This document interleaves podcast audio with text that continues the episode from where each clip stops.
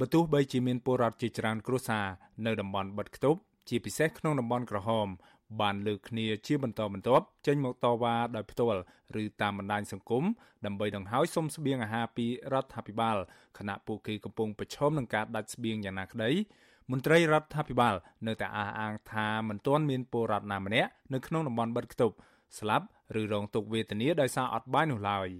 អ្នកនាំពាក្យគណៈកម្មាធិការសិទ្ធិមនុស្សកម្ពុជារបស់រដ្ឋាភិបាលលោកកតាអូនបញ្ជាក់យ៉ាងដូចនេះប្រាប់អាស៊ីសេរីកាលពីយប់ថ្ងៃទី30ខែមេសា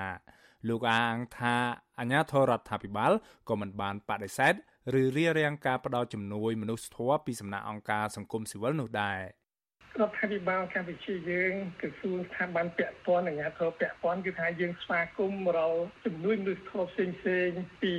អង្គការសង្គមស៊ីវិលពីបណ្ដាប្រទេសផ្សេងផ្សេងក៏ដូចជាសប្បុរសជនផ្សេងផ្សេងតាំងពីយូរតាំងពីដើមទីមកម្លេះយើងពុំមានការមិនទទួលអំណោយឬការរៀបរៀងដោយការលើកឡើងទេទីពីរនៅដល់ពេលនេះនៅក្នុងតំបន់ក្រហមក្តីគឺថាមិនទាន់មាននរណាម្នាក់ស្លាប់ដោយសារអត់បាយឬមួយក៏រងទុក្ខវេទនាដោយសារអត់អាហារទេគឺថាអាជ្ញាធរកំពុងតែដុតដៃដុតជើងនៅក្នុងការផ្ដល់ស្បៀងអាហារជូនជីវរដ្ឋផ្ទុយពីការអះអាងនេះពលរដ្ឋម្នាក់ក្នុងចំណោមពលរដ្ឋជាង100នាក់ស្ថិតនៅក្នុងតំបន់ក្រហម នៅភូមិភ្នៀតសង្កាត់ស្ទឹងមានជ័យ2ខណ្ឌមានជ័យដែលបាននាំគ្នាស្រែកទាមទារសុំជំនួយស្បៀងអាហារពីរដ្ឋាភិបាល កាលពីថ្ងៃទី30ខែមេសាម្សិលមិញលោកស្រីមួងសំភ័សឲ្យដឹងថាគ្រួសារលោកស្រី ដែលមានសមាជិក8នាក់កំពុងប្រឈមការខ្វះស្បៀង លោកស្រីព្រួយបារម្ភថាបើការបិទគប់នេះនៅតែបន្តអូបន្លាយរយៈពេលយូរថែមទៀតនោះនោះគ្រួសារលោកស្រីអាចស្លាប់ដោយសារដាច់បាយមុនស្លាប់ដោយសារជំងឺ Covid-19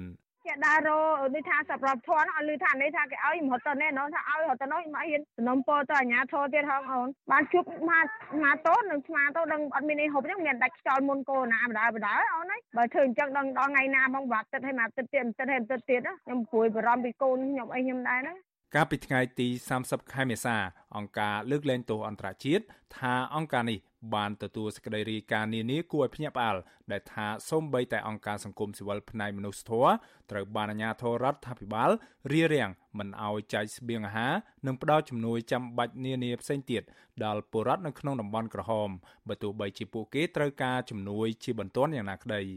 នាយិកាប្រចាំតំបន់អាស៊ីប៉ាស៊ីហ្វិកនៃអង្គការលើកលែងទោសអន្តរជាតិ អ្នកស្រីយ៉ាមីនីមីស្រាថ្លែងនៅក្នុងសេចក្តីថ្លែងការណ៍ផ្សាយកាលពីថ្ងៃទី30ខែមេសា ថាការចាត់ចែងខុសយ៉ាងធ្ងន់ធ្ងររបស់រដ្ឋាភិបាលនៅក្នុងតំបន់បិទខ្ទប់កំពុងបង្កើតនៅទុក្ខវេទនានិងការរំលោភសិទ្ធិមនុស្សនៅទូទាំងប្រទេសអ្នកស្រីបន្តថាឥឡូវនេះពលរដ្ឋនៅក្នុងតំបន់ក្រហម និងនៅតាមទីកន្លែងដទៃទៀតនៅកម្ពុជា កំពុងតែដាច់បាយដោយសារតែគោលនយោបាយមិនសមហេតុផល របស់រដ្ឋាភិបាល អ្នកស្រីជំរុញឲ្យអាជ្ញាធរកម្ពុជាចាំបាច់ត្រូវកែប្រែរបៀបរបបចាត់ចែងការបិទខ្ទប់នេះដោយធ្វើការជាមួយអង្គការសង្គមស៊ីវិលនិងទីភ្នាក់ងាររបស់អង្គការសហប្រជាជាតិដើម្បីជួយសម្រួលលទ្ធភាពផ្ដល់ជំនួយមនុស្សធម៌ដល់ពលរដ្ឋនៅក្នុងតំបន់ក្រហមអ្នកស្រីបន្តថាពលរដ្ឋគ្រប់រូបនៅក្នុងតំបន់បិទខ្ទប់ត្រូវតែទទួលបាននូវស្បៀងអាហារហូបចុកទឹកសេវាថែទាំសុខភាព និងតម្រូវការចាំបាច់នានាដទៃទៀតបើតាមអង្គការអន្តរជាតិមួយនេះ នៅភ្នំពេញមានពលរដ្ឋប្រមាណជាង87000គ្រួសារស្មើនឹងជិត3សែននាក់កំពុងស្ថិតនៅក្នុងតំបន់បិទខ្ទប់រីឯនៅខេត្តព្រះសីហនុអនុវិញមានពលរដ្ឋជិត5000គ្រួសារស្មើនឹងប្រមាណ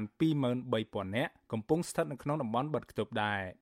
លោកកតាអូនអះអាងថាបញ្ហាតម្រូវការស្បៀងអាហារ នៅពុំទាន់មានលក្ខណៈធ្ងន់ធ្ងរដោយការលើកឡើងរបស់អង្គការលើកលែងទោសអន្តរជាតិនោះទេខ្ញុំមិនដឹងថា Amnesty International មានផ្នែកទឹកពីណាមកមើលទេប៉ុន្តែយើងឃើញថាយើងឃើញមានបងប្អូនមួយចំនួននៅកម្ពុជាយើងសពថ្ងៃនេះការចែកអំណោយស្ម័គ្រចិត្តនៃការចែកអំណោយផ្សេងផ្សេងអ្នកមានមួយចំនួនគេបរិច្ចាគអំណោយគេចែកអំណោយមកផ្ទះ គេបរិច្ចាគទៅកាន់តំបន់ផ្សេងផ្សេងជាហោហែប៉ុន្តែអ្វីដែល Amnesty International លើកឡើងនេះខ្ញុំជឿថាព័ត៌មានដែលជូនទៅឲ្យនេះជាព័ត៌មានបំភ្លឺដែលធ្វើឲ្យអង្គការនេះយល់ច្រឡំមកលើកម្ពុជាយ៉ាងណាអង្គការលើកលែងទោសអន្តរជាតិថាកិច្ចខិតខំប្រឹងប្រែងរបស់រដ្ឋាភិបាលនៅក្នុងការផ្តល់ជំនួយស្បៀងអាហារគឺធ្វើឡើងដោយគ្មានផែនការច្បាស់លាស់ឬច្របូកច្របល់មិនគ្រប់គ្រាន់ហើយរើសអើងលើពលរដ្ឋដែលគេដឹងថាជាអ្នករិះគន់គណៈបកកណ្ដាលអំណាច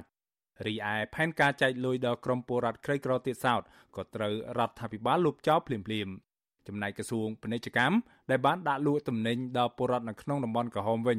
មានការបញ្ចុះតម្លៃតិចតួចហើយផលិតផលភាគច្រើនជាប់ពាក់ព័ន្ធទៅនឹងផលប្រយោជន៍អាជីវកម្មរបស់មន្ត្រីជាន់ខ្ពស់គណៈបកប្រជាជនកម្ពុជាទន្ទឹមនឹងនេះអង្គការអន្តរជាតិមួយនេះក៏ព្រួយបារម្ភថាពលរដ្ឋនៅក្នុងតំបន់បិទគប់ដែលបានចេញមុខតវ៉ាជាសាធារណៈ និងលើកឡើងពីការដាច់ស្បៀងអាចនឹងត្រូវប្រឈមទៅនឹងការសងសឹកឬការគំរាមកំហែងណាមួយពីអាជ្ញាធររដ្ឋាភិបាលអង្គការនេះគូបញ្ជាក់ថាផ្អែកតាមអង្គការសិទ្ធិមនុស្សក្នុងស្រុកលីកាដូយ៉ាងហោចណាស់មានមនុស្សប្រមាណ258នាក់ត្រូវបានអាជ្ញាធរចាប់ខ្លួនក្រោមច្បាប់ប្រឆាំងនឹងជំងឺ Covid-19 ក្នុងរវាងពីថ្ងៃទី10ដល់ថ្ងៃទី25ខែមេសានៅក្នុងនោះពលរដ្ឋ83នាក់ត្រូវបានចោទប្រកាន់និងបញ្ជូនទៅឃុំខ្លួននៅក្នុងគុក រីឯពលរដ្ឋក្រៅពីនេះវិញបានរងនឹងការផាកពិន័យនិងបញ្ជូនទៅមណ្ឌលចតាឡេសាជាដើមនេះជាការប្រចាំតំបន់អាស៊ីប៉ាស៊ីហ្វិកនៃអង្គការលើកលែងទោសអន្តរជាតិអ្នកស្រីយ៉ាមីនីមីស្រាគូបញ្ជាក់បន្ថែមថាពលរដ្ឋកម្ពុជារាប់លាននាក់បានរងគ្រោះរួចស្រាប់ទៅហើយដោយសារតែភាពលំបាកលំបិនផ្នែកសេដ្ឋកិច្ចធ្ងន់ធ្ងរអស់រយៈពេលពេញមួយឆ្នាំដោយសារតែជំងឺរាតត្បាតសកល COVID-19 មកហើយ អ្នកស្រីសង្កត់ធ្ងន់ថាសម្រាប់មនុស្សភាគច្រើនការបិទគប់ដែលរដ្ឋាភិបាលគ្រប់គ្រងមិនបានត្រឹមត្រូវបែបនេះបាននាំឲ្យកម្ពុជាធ្លាក់ចូលក្នុងវិបត្តិមនុស្សធម៌អ្នកស្រីថាពលរដ្ឋដែលអត់ស្បៀងមិនអាចស្នាក់នៅក្នុងផ្ទះជារៀងរហូតបាននោះទេដូច្នេះហើយរដ្ឋាភិបាលត្រូវបង្កើននូវការដាក់ចេញវិធានការគាំពៀសង្គមនិងជំនួយមនុស្សធម៌ឲ្យបានជាចាំបាច់ខ្ញុំបាទមេរិតអាស៊ីសេរីរាយការណ៍ពីរដ្ឋធានី Washington